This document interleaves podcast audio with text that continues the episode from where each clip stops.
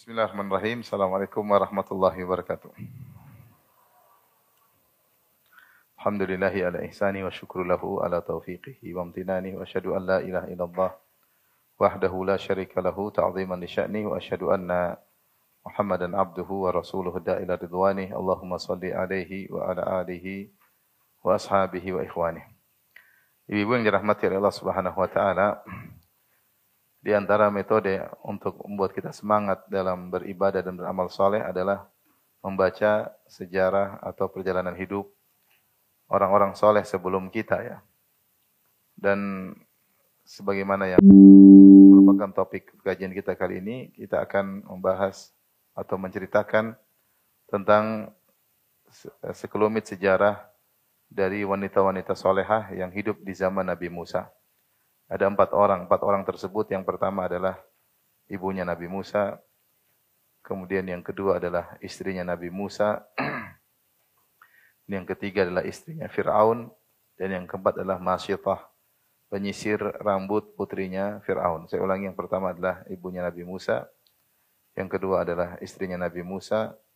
Yang ketiga adalah istrinya Fir'aun. Dan yang keempat adalah uh, tukang sisir, penyisir rambutnya putrinya Fir'aun. Mereka inilah empat wanita solehah yang hidup di zaman yang penuh kesulitan, di zaman kebengisan dan kekejaman Fir'aun. Yang pertama, ibu yang dirahmati oleh Subhanahu wa taala adalah kisah tentang ibunda ibunda Nabi Musa alaihissalam. Sebagaimana Allah abadikan kisah ibunya Nabi Musa dalam banyak ayat ya, di antara dalam surat Toha, demikian juga dalam surat Al-Qasas ya. E, banyak orang-orang yang berhasil namun tidak disebutkan ayah mereka ya. Di antaranya adalah Nabi Musa alaihissalam. Ya, Musa namanya Musa bin Imran, namun dalam kisah perjalanan Musa tidak sama sama sekali tidak disebut tentang ayahnya. Seakan-akan eh, ke, keberhasilan Nabi Musa alaihissalam ya dengan sebab utama adalah ibunya. Sebagaimana Nabi Isa alaihissalam tanpa ayah yang mendidik Nabi Isa alaihissalam adalah eh, ibunya ya. Demikian juga uh, Maryam ya. Maryam sendiri ya uh, ketika lahir ya ayahnya juga sudah meninggal meninggal dunia. Yaitu kakeknya Nabi Isa pun sudah meninggal dunia. Jadi banyak orang-orang hebat berhasil dan disebutkan di balik keberhasilan mereka adalah ibunda-ibunda mereka di antaranya Nabi Musa alaihissalam kita tahu bahwasanya Nabi Musa lahir di zaman penuh dengan kesulitan ketika Firaun menguasai kota Mesir. Kemudian mereka mendapatkan kabar entah dari berita-berita terdahulu atau dari para dukun bahwasanya uh, kekuasaan Firaun akan dihancurkan oleh seorang anak yang lahir dari kalangan Bani Israel. Dan anak tersebut eh, dilahirkan uh, tahun sekian dan sekian. Ya. Nabi Musa alaihissalam punya kakak namanya Nabi Harun. Nabi Harun lahir sebelum tahun tersebut. Tahun yang dinanti-nantikan akan lahirnya seorang penolong Bani Israel dan akan menggulingkan kerajaan Fir'aun.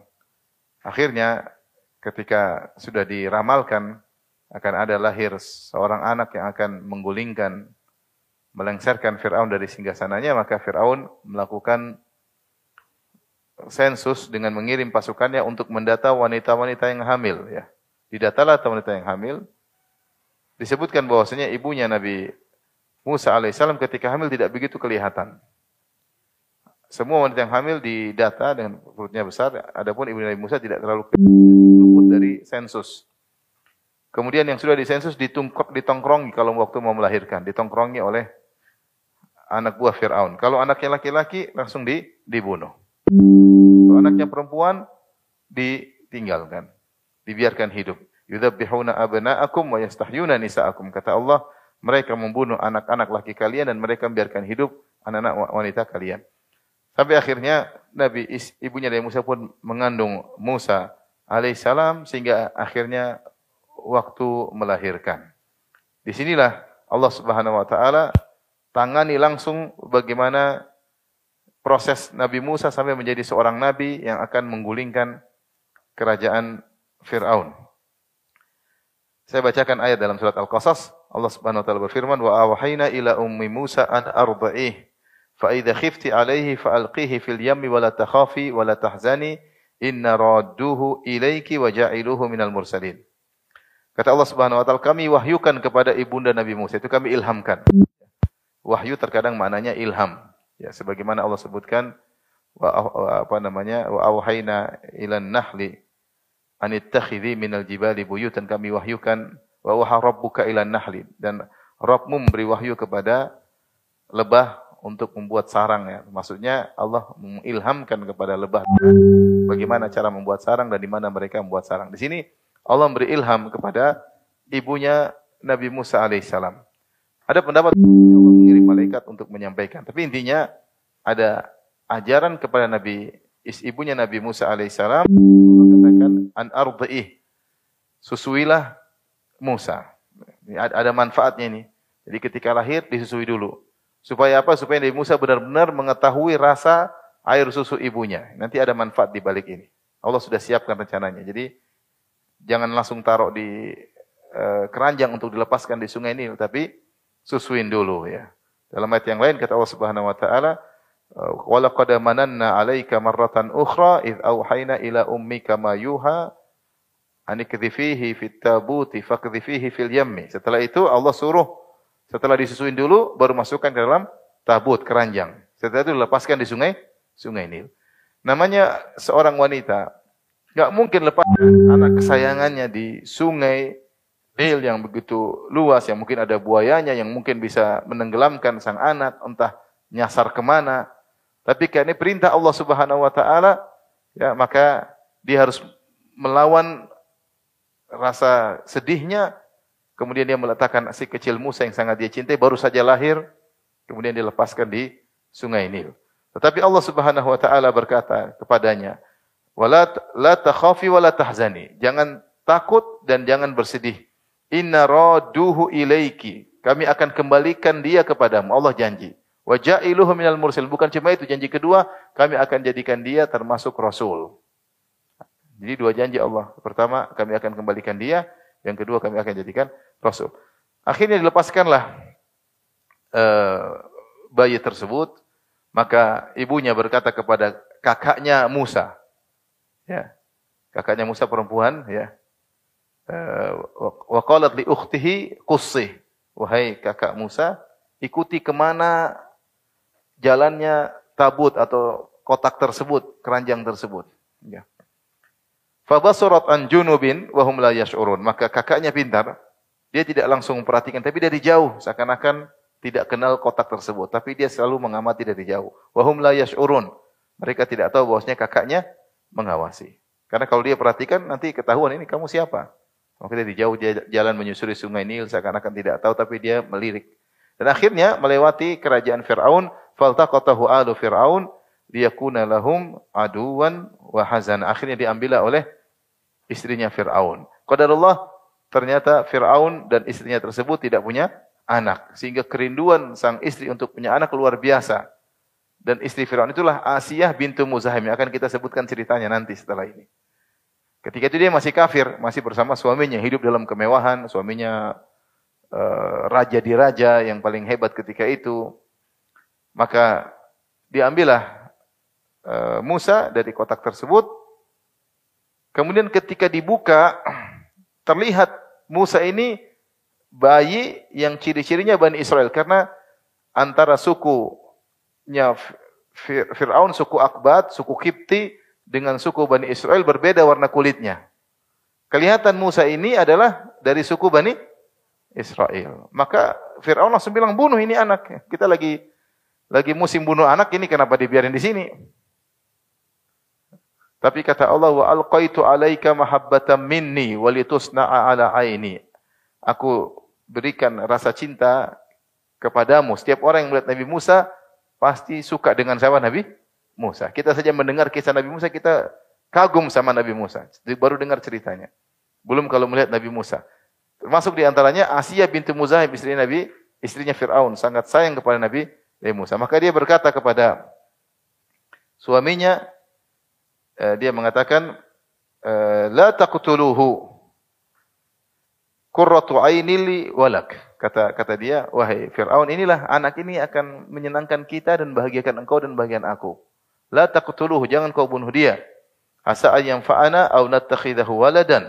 Bisa jadi akan menjadi bermanfaat bagi kita di kemudian hari atau kita angkat menjadi anak anak angkat. Istri yang soleha, dia menyampaikan dengan kata yang baik, ini anak akan bawakan kebahagiaan. Dan dia sebutkan, bisa jadi ini bermanfaat suatu hari, atau kita angkat menjadi anak anak angkat. Dan akhirnya Fir'aun mengalah. Fir'aun mengalah ya.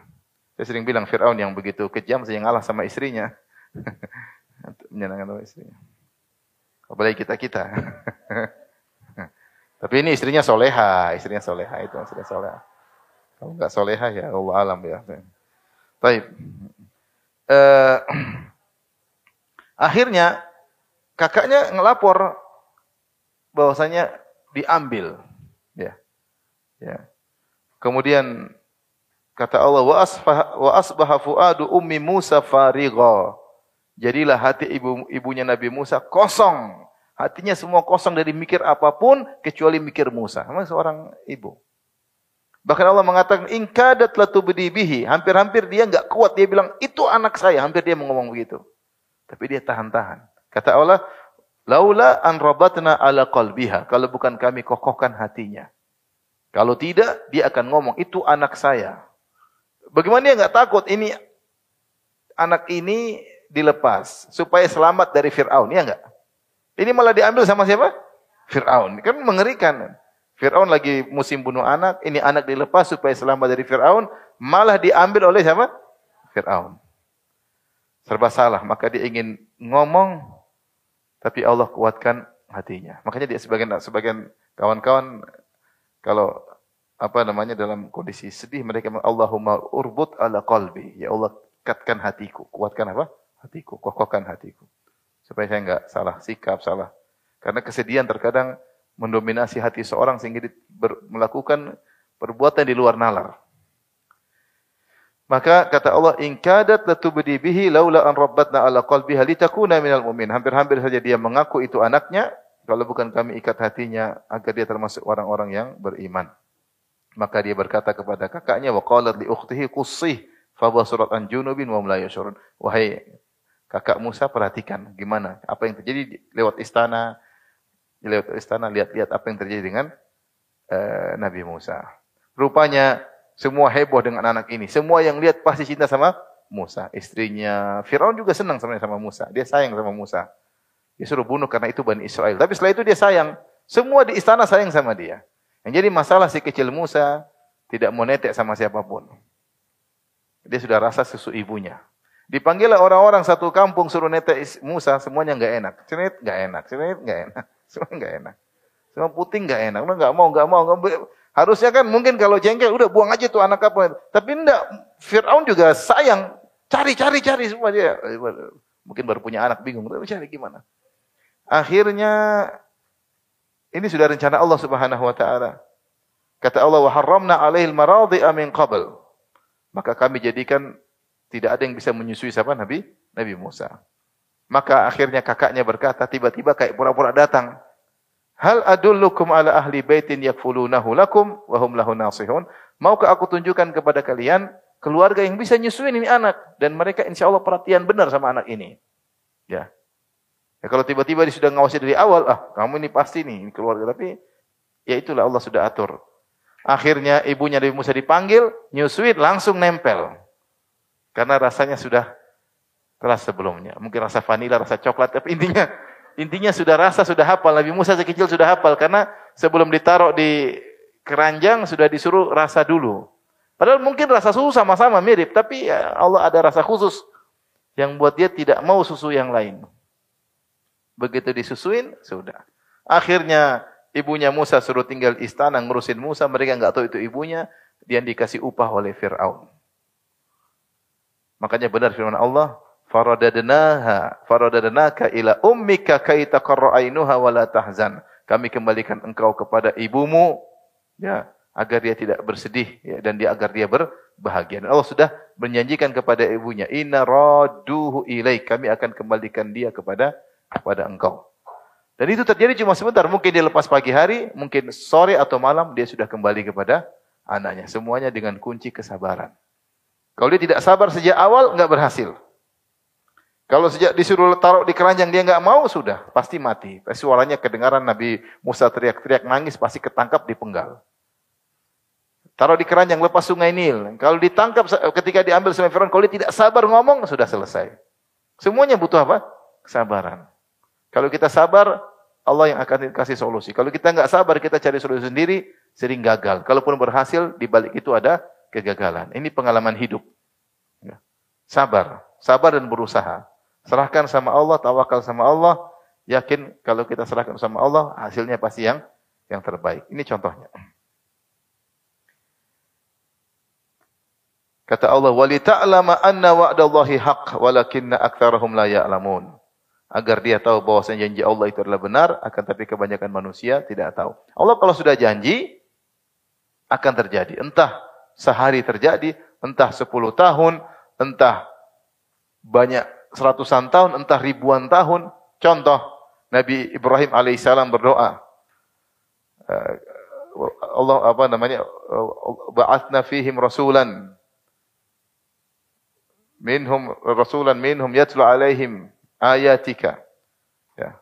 Ketika Nabi Ibrahim berdoa, ya Allah utuslah kepada mereka seorang rasul yang akan bacakan ayat-ayatmu. Nabi Ibrahim berdoa ketika kapan? Ketika setelah saya bangun Ka'bah, Rasulullah Nabi Ibrahim alaihissalam berdoa, ya Allah utuslah pada mereka keturunan Ismail seorang nabi. Kapan Allah kabulkan? Ribuan tahun kemudian.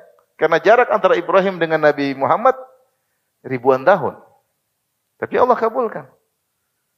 Ketika Ibrahim alaihissalam diusir dari dari negerinya, dia berdoa Rabbi habni minas salih. Rabbi, Rabbi habli minas salihin. Ya Allah anugerahkan kepadaku anak yang soleh. Dia dianugerahkan Ismail tapi uh, Ishak tapi dan Ismail tapi perjalanan panjang lama. Lama baru punya anak. Puluhan tahun baru punya. Tapi kalau Allah janji pasti akan dikabulkan. Terkadang prosesnya cepat, terkadang prosesnya sangat lama, tapi semuanya yang tentukan Allah karena Allah tahu yang lebih yang terbaik. Taib. Inilah kisah uh, ibunya Nabi eh, Musa yang penuh sabar dan penuh uh, beriman kepada Allah Subhanahu wa taala. Akhirnya uh, Nabi Musa alaihissalam bisa dia peluk kembali dan dia rawat sampai jadi seorang yang hebat, seorang yang kokoh dan akhirnya diangkat menjadi seorang rasul. Keberhasilan Nabi Musa murni di balik keberhasilan ada seorang ibu yang soleha ibu yang soleha. Maka ibu-ibu sabar ya, sabar dalam menghadapi ujian-ujian hidup ya. Beriman dengan janji Allah Subhanahu wa taala, ngurus anak harus sabar ya. E, dan bertakwa kepada Allah Subhanahu wa taala, doain anak ya. Kalau kita serius ngurusin anak, insya Allah anak menjadi kebahagiaan kita di kemudian hari.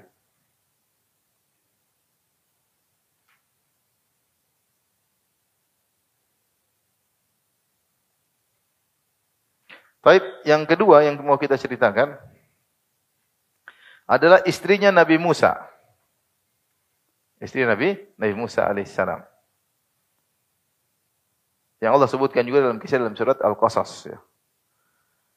Ibnu Mas'ud berkata radhiyallahu anhu, Afrasun nasi thalatha. Orang yang paling firasatnya paling kuat ada tiga orang. Afrasun nasi itu yang paling firasatnya paling kuat tiga orang. Pertama, sahibu Yusuf alaihissalam hina qala limrati akrimi mathwa. Yang pertama adalah majikannya Nabi Yusuf uh, yaitu su suaminya Zulekha. Ya, yang wanita yang menggoda Nabi Yusuf tidak ada dalil tapi sebagian ulama mengatakan namanya Zulekha suaminya ketika Yusuf kerja di rumahnya dia berkata sama istrinya akrimi mathwah muliakan si Yusuf ini. Padahal dia pembantu, budak dibeli. Jarang suruh mulaikan muliakan budak. Ternyata benar dia akan menjadi seorang apa? Rasul. Berarti firasatnya tepat. Yang kedua, orang yang paling kuat firasatnya adalah istrinya Nabi Musa. Ketika Nabi Musa datang ke rumahnya, ke rumah dia dan rumah bapaknya, maka dia berkata kepada bapaknya sebelum nikah dengan Nabi Musa, Ya abasti ya abati ta'jirhu, wahai ayahanda, jadikan dia pekerja kita. Inna khaira man istajarta al-qawiyul amin. Sebaik-baik orang yang jadi pekerja adalah yang kuat dan amanah. Dan benar, Nabi Musa alaihissalam adalah kuat dan aman. Ini firasat istrinya dan akhirnya menikah dengan wanita tersebut. Yang ketiga adalah kata Ibnu Mas'ud adalah firasatnya Abu Bakar ketika memilih Umar untuk menjadi khalifah setelahnya. Dan benar Umar akhirnya menjadi khalifah yang luar biasa dan banyak keberhasilan di zaman pemerintahan beliau radhiyallahu taala anhu. Tapi di sini maksud saya uh, Ibnu Mas'ud memuji istrinya Nabi Musa, firasatnya kuat. Tapi bagaimana kisah istri Nabi Musa ini? Kisahnya secara singkat, Nabi Musa alaihissalam anak angkatnya Fir'aun dan dia adalah dari Bani Israel. Suatu hari keluar di di kota Mesir, tiba-tiba ada perkelahian antara dua orang, satu dari hadza min syi'ati hadza min syi'atihi. Ya. Hadza min adu, hadza min syi'atihi. Satu dari kelompok Fir'aun, dari suku Kipti dan satu dari kelompok Bani Israel. Fastaghathahu alladhi min syi'ati ala alladhi min aduwihi. Akhirnya yang dari Bani Israel minta tolong, "Wahai Musa, tolong saya." Padahal dia berkelahi sama orang. "Wahai Musa, tolong saya." Dia beristighatsah. Maka Musa tolong dia, fawakazahu Musa faqada Nabi Musa memukul dengan pukulan yang ringan Kipti tadi, tapi ternyata langsung mati. Nabi Musa orangnya kuat. Sekali mukul langsung apa? Mati. Sebagaimana kisah yang masyur ketika Nabi Musa alaihissalam sedang mandi dan dia taruh bajunya di atas batu, tahu-tahu batunya berjalan bawa bajunya. Maka Nabi Musa pun naik kejar batu tersebut dia mengajar ya dia berkata ya hajar thaubi ya hajar thaubi wahai batu itu bajuku jangan bawa lari tapi batu lari terus akhirnya dia pun kejar batu dia pukul itu batu sampai ada bekas pukulannya di di batu bekas pukulannya di batu saking kerasnya pukulan Nabi Musa kalau kita yang mukul, bekas batu di tangan kita ya.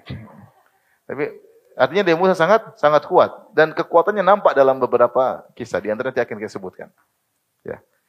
Jadi dia nggak sengaja, dia bukan bermaksud membunuh, dia hanya sekedar memberi pelajaran, tahu-tahu orang tersebut mati.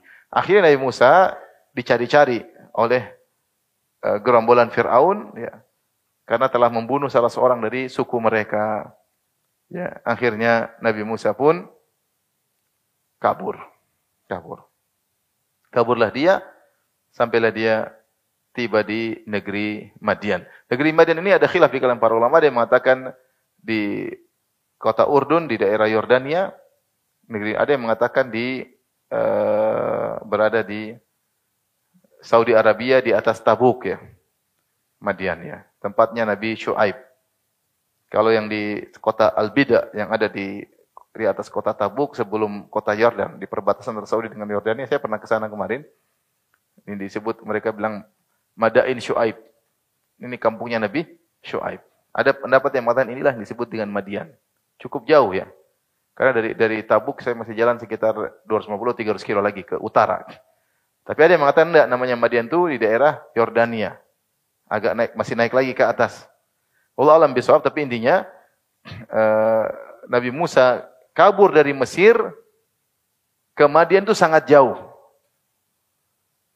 Mesir ke Madian sangat sangat jauh. Ya, Mesir uh, harus harus jalan yang jauh sampai akhirnya tiba di negeri Madian ya. Ketika tiba di negeri Madian, ya, maka uh, Nabi Musa mendapati ada Eh, orang-orang sedang di sekitar sumur mencari air untuk memberikan air kepada hewan-hewan mereka. Kemudian kata Allah Subhanahu wa taala, "Wa wajada min dunihim imra'ataini tadhudan." Tiba-tiba di antara sekelompok laki-laki tersebut ada dua orang wanita yang menghalang-halangi kambing mereka. Kambing mereka minum dihalang-halangi. Nabi Musa lihat kenapa dua orang wanita ini tidak ambil air sementara laki-laki pada ambil. Laki-laki semua di situ juga tidak menghargai wanita itu. Harusnya mereka mendahulukan wanita untuk ambil air. Cuma dua orang. Tapi rupanya akhlak mereka buruk. Akhlak mereka buruk. Sehingga mereka mau ngambil dulu dan dua wanita harus nunggu. Kalau laki-laki punya perasaan harusnya, eh sudah ibu-ibu cuma dua orang ambil aja dulu. Habis itu baru kita. Tapi mereka enggak. Mereka biarin perempuan tersebut nunggu. Maka Nabi Musa kasihan maka dia pun datang kepada wanita tersebut dia berkata, "Ma khotbukuma?" Ada apa gerangan kalian berdua di sini? Qalata la nasqi hatta yusdira ri'a wa abuna syekhun kabir. Maka orang tersebut mengatakan, kami tidak bisa ambil air sampai laki-laki semua pergi. Kenapa kami harus ambil air? Ini harus pekerjaan laki-laki karena orang tua kami sudah tua. Bapak kami sudah tua. Nabi Musa langsung langsung nolong. Dia tidak banyak tanya. Langsung kata Allah, fasaqalahuma. Maka dia pun ambil air. Kemudian dia kasih pada dua wanita tersebut. Kemudian thumma tawala ila dhil. Dia tidak ngobrol-ngobrol panjang-panjang lagi. Kemudian dia pergi bernaung di bawah sebuah pohon. Kemudian dia berdoa, qala rabbi inni lima, uh, lima ansalta ilayya min khairin fakir. Ya Allah, sungguhnya aku butuh kebaikan darimu, aku sangat fakir. Disebutkan Nabi Musa lapar. Karena dia baru jalan pergi dari Mesir menuju Madian ratusan kilo, entah ratusan kilo, pokoknya jauh sekali. Dan dia tidak bawa bekal makanan, sehingga dia makan dedaunan di jalan, sampai nampak warna hijau di tubuhnya, saking banyak daun yang dia makan. Dan ketika sampai di sana, dia tidak kenal siapa pun. Meminta makan sama siapa? Maka dia hanya berharap kepada Allah. Ya Allah, sungguhnya aku lapar. Kata para ahli tafsir, dia minta roti. Dia bilang, ya Allah, aku pengen makan roti. Ya, tapi dia masih kuat. Ya. Maka kemudian, rupanya orang berdua perempuan ini segera pulang. Sampai di rumah tentu ayahnya heran, kok cepat sampai. Biasanya kan lama. Nungguin. Ya, mungkin dia cerita, tadi ketemu ada orang begini, begini, begini, begini. Akhirnya ayahnya suruh, ya udah kasih upah sama orang tersebut. Maka datanglah salah seorang wanita dari dua wanita tersebut menuju Nabi Musa. Tamshi ala stihya, datang dengan malu-malu. Berjalan dengan apa? Malu-malu. Sifat malu-malu itu sifat mulia bagi wanita. Rasa malu itulah yang mempercantik para wanita. Kalau enggak punya malu, enggak cantik. Harus malu-malu. Enggak enak tersipu malu ya. Itu harus. Repot. Ya, gini-gini yang bagus ya ini. Tapi kalau eh, eh aduh. Repot.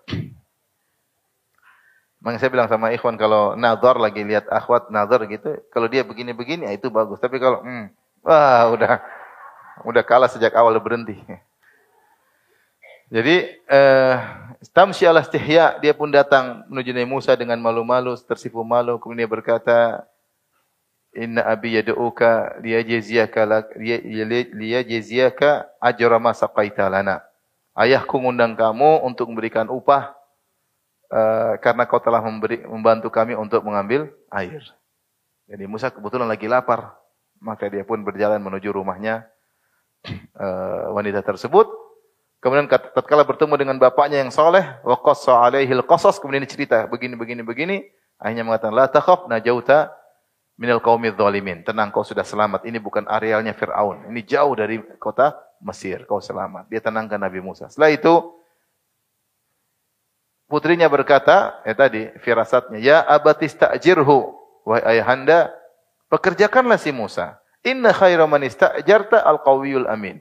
Sungguhnya orang yang paling pantas untuk kau kerjakan adalah kuat dan amanah. Para ulama bahas dari mana perempuan ini tahu bahwasanya Nabi Musa kuat. Dikatakan dia tahu karena ketika Nabi Musa mengambilkan air buat mereka, Nabi Musa membuka tutup sumur ya sendirian. Padahal tutup sumur tersebut berat, tidak bisa ditutup kecuali tidak bisa diangkat kecuali 8 orang. Tapi dia bisa angkat apa? Sendirian. Berarti Nabi Musa kuat. Biasanya orang-orang kalau sudah laki-laki sudah ambil air dia tutup tutup uh, sumur, kemudian ibu-ibu tadi dua orang tadi hanya mengambil sisa-sisanya. Tapi Nabi Musa buka tutup sumur sendiri. Ambilkan air, dia tutup sendiri. Ini berarti dia kuat. Baik, dia kuat. Yang kedua, dari mana dia tahu Musa amanah? Disebutkan karena ketika Musa berjalan menuju rumahnya, Nabi Musa berjalan di depan, si perempuan di belakang. Kalau mau belok kanan, perempuannya lempar kerikil ke kanan, Musa belok kanan. Kalau belok kiri, lempar kerikil ke kiri. Jadi bukan ngobrol ya gimana ya, eh, sudah lama sudah. Ya, Rumahnya di mana? Jauh kali ya. Enggak ada. Itu kalau kalau sebagian kita seperti itu ya.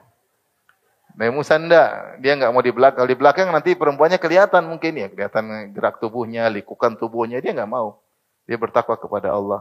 Dia di depan, perempuannya di belakang. Kalau belok kanan, kanan. Belok kiri, kiri. Lagi perempuan tadi pemalu. Dilihat dari belakang kan bisa kikuk jalannya. Jadi ini menunjukkan dia amanah. Padahal mereka cuma berdua, enggak ada orang lain. Kalau mau melakukan sesuatu nggak ada yang tahu. Tapi ini menunjukkan aman. Maka perempuan ini punya firasat. Musa ini orang yang kuat dan apa? Amanah. Maka karena Musa orang yang kuat dan amanah, ayahnya langsung punya ide. Bagaimana kalau kamu nikah sama salah seorang putri kami? Ya. Maka ayah berkata, "Inni uridu an unkihaka ihda benatayya hataini ala an ta'jurani thamaniya hijaj." Saya ingin nikahkan engkau dengan salah seorang dari dua putriku. Kata para ulama, itulah perempuan yang yang tadi, yang datang, yang ini, yang kasih ide, itu yang akhirnya nikah sama Nabi Musa, wanita soleha. Yang malu-malu ya. Maukah kau jadi mantuku dengan syarat maharnya kau kerja jadi tukang kebun 8 tahun. Fainat mam ashran famin indik. Tapi kalau kau sampai 10 tahun terserah kamu. Akhirnya Nabi Musa setuju. Dia nikah. Nikah maharnya lumayan mahal. Kerja jadi tukang kebun berapa tahun? 8 tahun. Atau tidak 10 tahun. Tapi demi untuk mendapat wanita soleha itu kecil. Itu kecil. Yang penting wanita tersebut apa? Soleha. Karena wa khairul mata'id dunya al mar'atu solehah. Dunia ini perhiasan, sebaik-baik perhiasan adalah wanita yang apa? soleha. Kalau punya wanita istri soleha, lebih baik daripada rumah mewah, daripada mobil mewah. Percuma rumahnya mewah, tapi masuk ke dalam nggak tenang, diomelin melulu. Percuma mobilnya mewah, naik ke dalam diomelin terus sama istrinya. Percuma. Oleh karenanya merupakan puncak kebahagiaan adalah mendapatkan istri yang soleha. Yang Rasulullah SAW bersabda, lihat takhid ahadukum qalban dzakir lisanan dzakiran wa qalban syakiran wa zaujatan tu'inuhu ala amril akhirah. Hendaknya salah seorang kalian menjadikan hatinya senantiasa bersyukur, lisannya suka berzikir dan punya istri soleha yang membantu dia dalam urusan akhirat. Maka ibu-ibu kalau menjadi istri soleha membantu suami untuk urusan akhirat. Kalau suami semangatin untuk sholat malam, semangati baca Quran, semangati umrah, semangati sedekah, semangati hajian, semangat dia untuk berbakti sama orang tua, semangati dia untuk berbuat baik kepada kerabatnya, itu istri solehah. Tapi kalau ngajak dunia terus, Abi beliin ini, ini tas baru, ini mobil baru, ini kulkas baru, ini rumah baru, wah ini istri nggak beres seperti ini. Harusnya maharnya murah. Kalau istri soleh, maharnya mahal, nggak apa-apa ya. Jadi kita introspeksi diri, sudahkah kita menjadi istri apa? Soleha. Yang membantu suami ingat akhirat, bukan membantu suami malah tenggelam dalam apa? Dunia. Dunia kita perlukan, tapi jadikan sarana dunia tersebut untuk mencari apa? Akhirat. Adapun orient, kita mengajari suami untuk orientasinya dunia, ini kita nggak soleha. Kita nggak soleha. Justru kalau suami kita kaya raya, kita jadikan dia orientasinya apa? Akhirat. Karena Rasulullah yang mengatakan ciri istri soleha, wa mra'atan solehatan, zaujatan solehatan, tu'inuhu ala amril akhirah. Carilah wanita soleha yang bantu dia untuk urusan apa? Akhirat. Allah pilihkan Nabi Musa memiliki istri yang solehah, yang pemalu, yang bertakwa kepada Allah, yang ketika ngambil air tidak desak-desakan sama laki-laki dia jauh. Tunggu laki-laki pergi baru diambil air. Ya. Allah pilihkan dia akhirnya menjadi istri Nabi Musa alaihissalam untuk menemani Musa dalam perjalanan menuju mendakwahi Fir'aun. Dan akhirnya setelah 10 tahun Nabi Musa pun rindu untuk pergi ke Mesir bertemu lagi dengan keluarganya, maka dia pun berjalan menuju Mesir ya. Kemudian ketika berjalan menuju Mesir, tiba-tiba itu musim dingin, musim dingin. Dekat Bukit Tursina tiba-tiba dari Musa melihat ada semacam cahaya, semacam api, dia ada api dari jauh. Dia kasih lihat istrinya, istrinya kedinginan, ya. Qala li ahlihim kuthu inni anastu nara la'alli atikum minha biqabasin au ajidu 'alan nari huda. Ketika dari jauh dia bilang, "Istriku, kamu tunggu di sini. Saya mau ke sana, siapa tahu ada api." Dalam ayat yang la'allakum tastalun supaya siapa, supaya kamu bisa hangat. Dikasihan sama istrinya. Tunggu sini biar saya ngambil api. Istrinya nggak bilang, "Ajak dong, ajak dong." Tenang aja. Nurut, tunggu situ, nurut. Istri yang soleh kalau dibilang nurut apa? Tunggu sini, tunggu sini, jangan malah pergi ke sana kemari. Disuruh tunggu, tunggu. Ini malah abinya pergi, dia juga pergi ya. abinya udah pulang, dia belum pulang. Itu istri zaman sekarang. zaman now. Tapi itulah sekilas tentang uh, istrinya Nabi Musa, seorang wanita yang soleha, yang memiliki rasa malu yang tinggi, tidak ingin desak-desakan sama lelaki, harus menunggu tidak apa-apa, yang penting tidak desakan sama lelaki. Padahal dia jauh, di dia di Madian, Nabi Musa di Mesir, tapi namanya jodoh, Allah pertemukan mereka. Kenapa? Karena ini bertakwa, ini juga bertakwa. Ketemu, Alhamdulillah. Baik, wanita yang ketiga, yang akan kita bahas pada kesempatan ini, siapa istrinya? Fir'aun. Istrinya Fir'aun disebut dalam Al-Quran dalam uh, dua ayat. Ayat yang pertama tadi, Faltaqatahu alu fir'auna dalam surat Al-Qasas, faltaqatahu alu fir'auna liyakuna lahu aduwan wa hazana.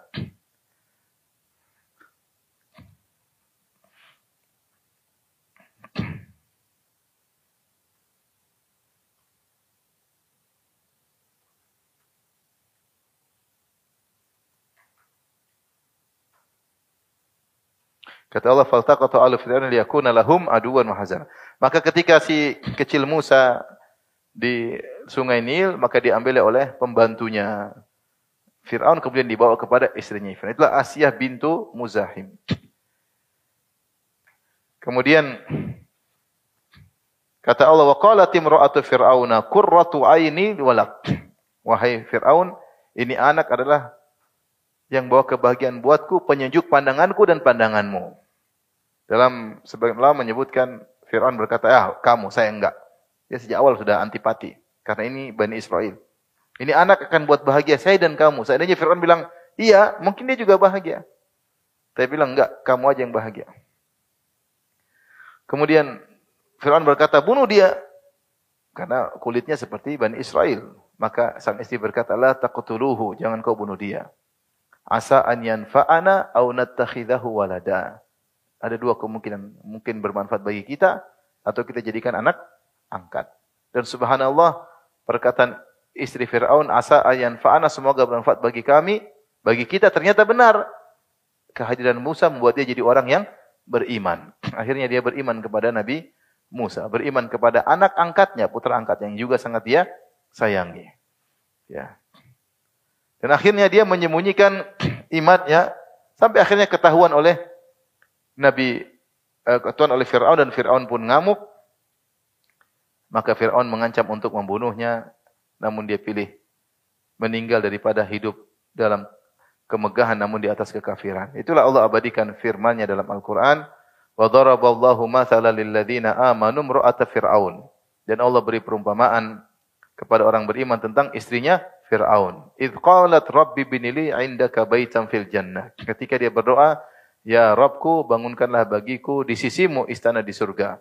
Wa najjini wa qaum wa najjini min fir'auna wa amalihi wa najjini minal qaumidz zalimin. Selamatkanlah aku dari Firaun dan perbuatannya dan selamatkanlah aku dari perbuatan orang-orang yang zalim. Disebutkan Firaun menyuruh dia untuk kafir kepada Allah. Kafir kepada Musa. Namun tidak mau. Kemudian Fir'aun menawarkan, kalau kau kafir kepada Musa, aku akan berikan kau istana yang lebih megah. Dan dia tidak mau. Ketika dia ditawarkan istana yang megah, dan siapa yang tidak ingin istana megah? Namanya perempuan ya. Pinginnya ini yang megah, ini yang megah. Maka dia berdoa kepada Allah, dia hanya ingin istana di mana? Di surga. Rabbi binili indaka baitan fil. Akhirnya dia dibunuh oleh Fir'aun. Akhirnya meninggal dunia.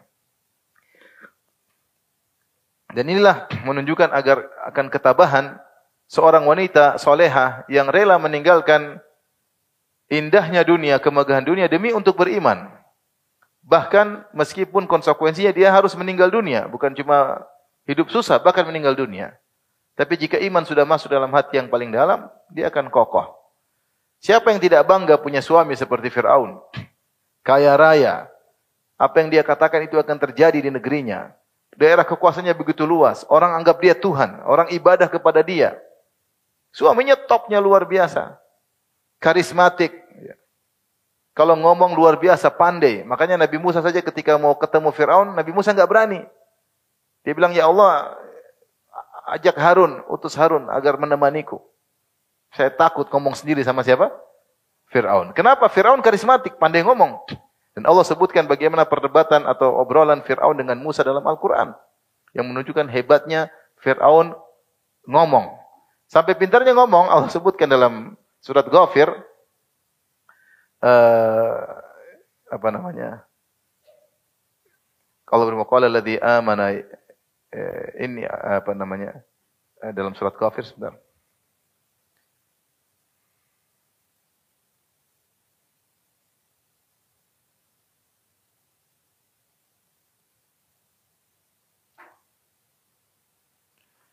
Wa qala rajulun mu'minun min ali fir'auna yaktumu imanahu ataqtuluna rajulan ay yaqula rabbi Allah wa qad ja'akum bil bayyinati min rabbikum fa iyyaku kadhiban fa alayhi kadhibu wa iyyaku sadiqan yusibukum ba'd alladhi yu'idukum inna Allah la yahdi al-qaumal inna Allah la yahdi man huwa musrifun kadzdzab ya qaumi lakum mulkul yawma dhahirina fil ard faman yansurukum min ba'si faman yansuruna min ba'sillah in ja'ana Qala Fir'aunu ma urikum illa ma ara wa ma ahdikum illa sabilar rasyad. Ada seorang laki yang menyembunyikan imannya, dia menasihati Fir'aun dan pembesar-pembesarnya. Dia mengatakan bahwasanya dia ini adalah kerabat Fir'aun. Dia mengatakan, wahai kaumku, sungguhnya Musa telah datang dengan kebenaran. Kita lihat dulu. Kalau dia salah, maka dia dosa, maka akan menimpa, ditimpa dengan kebinasan. Tapi kalau dia benar, kita yang akan kena bahaya ya. Wahai kaumku, sekarang kalian yang berjaya, namun kalau sudah datang adab Allah, siapa yang akan menolong kita semua? Di situ Firaun berkata, Qala Fir'aunu ma urikum illa ma ara wa ma ahdikum illa sabilar rasyad. Dia berkata kepada anak buahnya, ma urikum illa ma ara, aku hanya memaparkan kepada kalian pendapat terbaik yang aku lihat. Wa ma ahdikum illa sabilar rasyad dan aku tidak tunjukkan kepada kalian kecuali jalan yang lurus. Ini perkataan indah dari siapa? Fir'aun. Coba dalam perdebatan dia mengatakan, Ma'urikum illa ma'ara. Aku tidak menyampaikan kepada kalian kecuali perkataan yang yang aku pandang terbaik. Wa ma'ahdikum illa sabilar rasyad. Dan aku tidak beri petunjuk kepada kalian kecuali jalan yang lurus. Ini perkataan yang bijak ini ternyata perkataannya siapa? Fir'aun. Sampai disebutkan ada seorang berceramah dia mengatakan, aku tidak mengatakan kecuali seperti perkataan seorang hamba soleh. Yaitu perkataan tadi. Padahal perkataannya siapa? Fir'aun. Artinya dia pintar ngomong.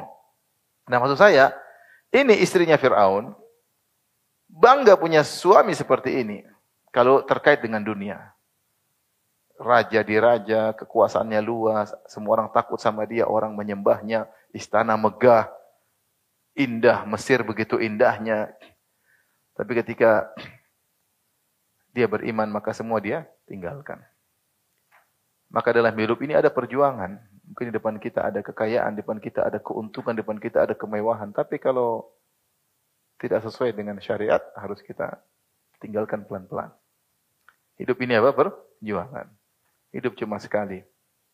Hidup sebentar, kalau kita salah langkah, urusannya di di akhirat. Ya. Jadi inilah contoh dari istrinya Fir'aun, Asia binti Muzahim, yang rela meninggalkan segala kekayaan, kemegahan, ya untuk tetap teguh beriman kepada Allah Subhanahu wa taala meskipun konsekuensinya dia harus dibunuh oleh suaminya sendiri yang sudah hidup lama bersamanya. Namun dia tidak pedulikan hal itu, semuanya karena Allah Subhanahu wa taala. Yang terakhir, wanita keempat yang soleha adalah kisah Masyitah ya.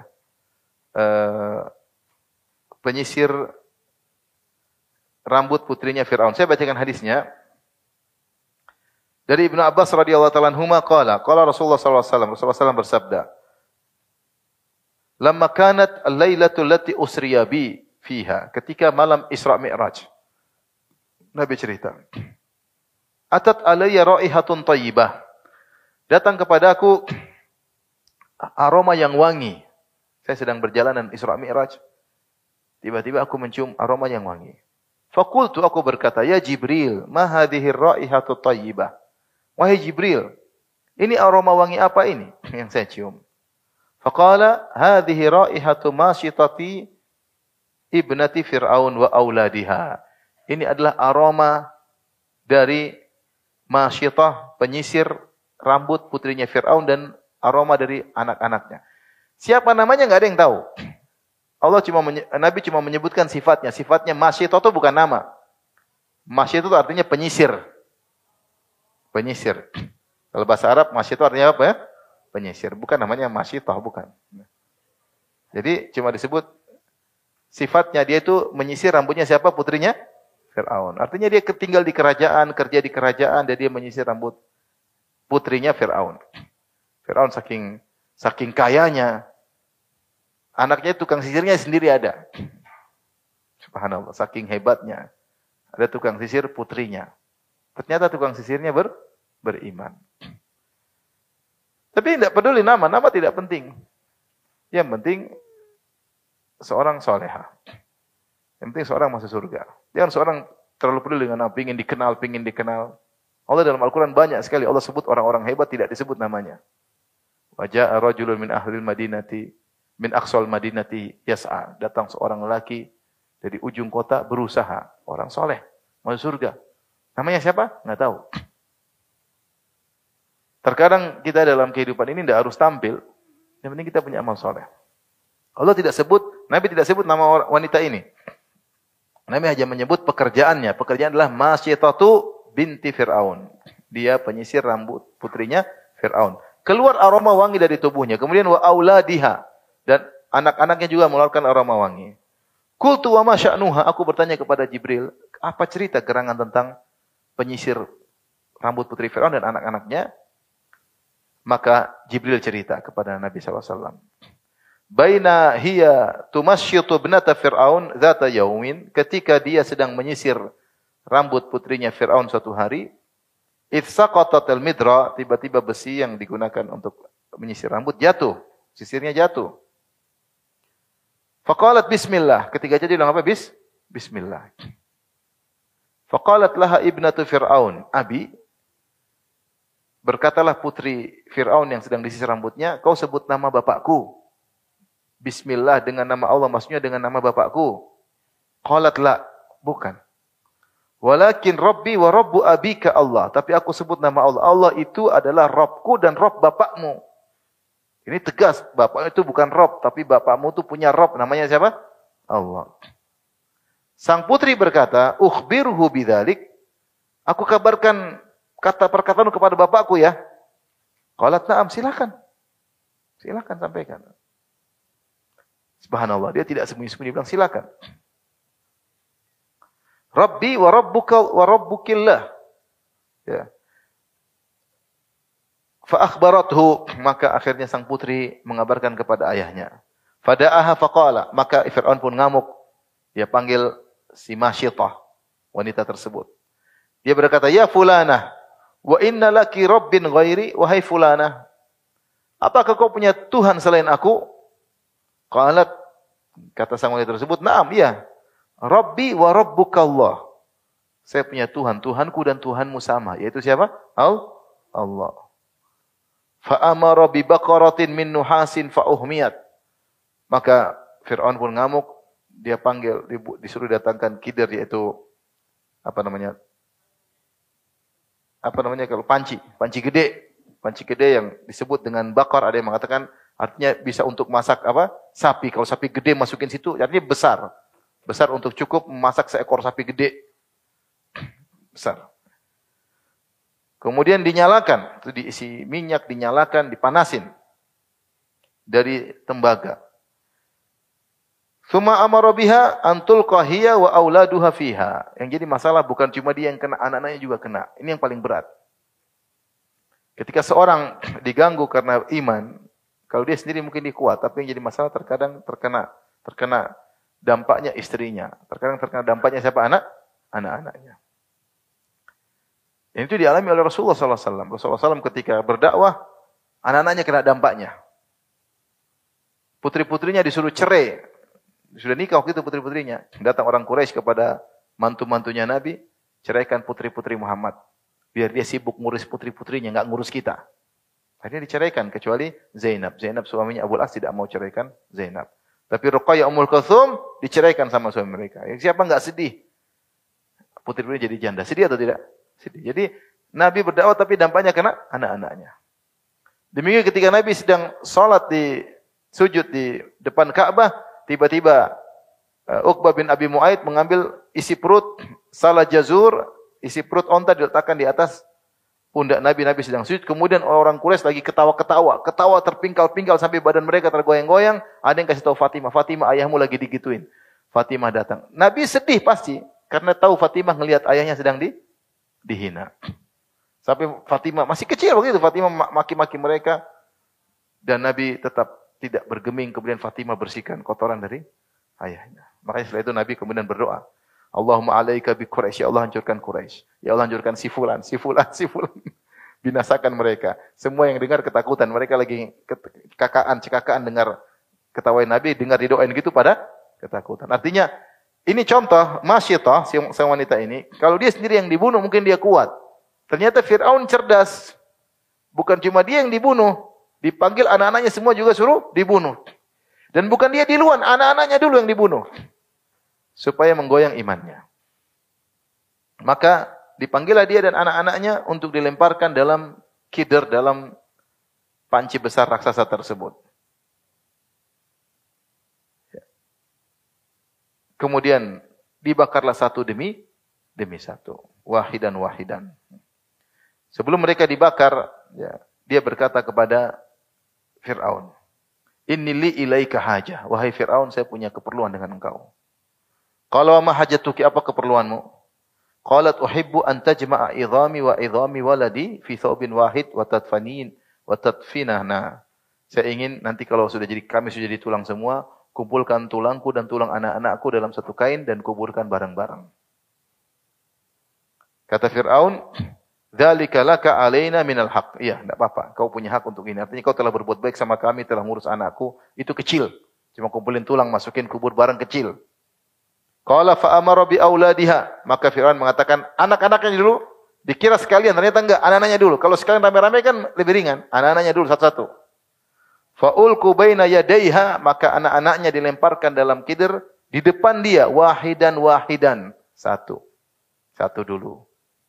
Saya lihat anaknya dibakar, masuk, masuk dalam panci dalam minyak, tahu-tahu tinggal apa? Tulang. Satu lagi, lempar di depan dia. Dia masih kuat, masih kuat subhanallah. Siapa yang kuat seperti wanita ini? Dilempar lagi, dilempar lagi. Entah anaknya berapa, ada yang mengatakan lima, ada yang mengatakan berapa, tapi satu-satu dilemparkan. Ila an ila an intaha dzalika ila sabiyin laha murdi' murda ya. Sampai terakhir tinggal anak yang kecil yang masih dia susui. Yang mungkin namanya anak kecil. Kita ketemunya bayi anak kecil, pegang-pegang rambut kita ya enggak? Rambut kita sambil netek pegang-pegang apa? Bibir kita, pegang baju kita ya. Anaknya mau dilempar dulu. Ketika itu dia sudah ah ini gimana enggak kuat ini. Kalau yang besar-besar mungkin ini kecil. Wa ka'annaha taqa'asat min ajlihi. Maka Nabi mengatakan Jibril cerita seakan-akan dia mulai mulai mundur gara-gara tidak tega sama anaknya si si kecil anaknya. Tiba-tiba anaknya berbicara. Ya ummah, iktahimi wahai ibunda, masuklah dalam panci tersebut. Fa inna adzabad dunya ahwan min adzabil akhirah. Sungguhnya azab dunia jauh lebih ringan daripada azab akhirat. Fakta hamat akhirnya dia pun masuk. Inilah yang menyebabkan dia pun tercium aroma wangi. Ya. Ini kita subhanallah, ini kisah nyata ada seorang wanita yang begitu hebat yang rela diadab bukan cuma dia saja, bahkan anak-anaknya dibunuh namun dia tegar dalam rangka untuk membela agama Allah tetap di atas akidah yang yang benar. Pelajaran bagi ibu-ibu, namanya godaan itu ada, terkadang kita hidup susah, terkadang mudah-mudahan Allah memberikan kita kemudahan, mudah-mudahan Allah memberikan kita al-afiyah. Kita di kalau digoda seperti ini kita enggak kuat ya. Mudah-mudahan Allah tidak memberi kita ujian di luar kemampuan kemampuan kita. Inilah empat wanita yang soleha yang hidup di zaman Nabi Musa yang diabadikan kisah mereka Mudah-mudahan menjadi pemicu kita untuk terus bertakwa kepada Allah. Namanya surga itu, kata Nabi SAW, Huffatil jannatu bil makari. Surga itu diliputi perkara-perkara yang dibenci. Ini banyak hal yang kita tidak suka harus kita lakukan. Wa huffatil jannatu bisyahwat dan eh huffatin nar bisyahwat dan neraka diliputi perkara yang menyenangkan. Kalau kita ingin menyenangkan-nyenangkan terus, lama-lama terjerumus dalam neraka jahanam. Waliyadzubillah. Tapi demikian saja, ya yang dirahmati Allah Subhanahu kajian kita insyaallah kita jumpa kesempatan yang lain. Kurang lebih maaf. Subhanakallah bihamdik asyhadu an la ilaha anta astaghfiruka wa atubu ilaik. Assalamualaikum warahmatullahi wabarakatuh.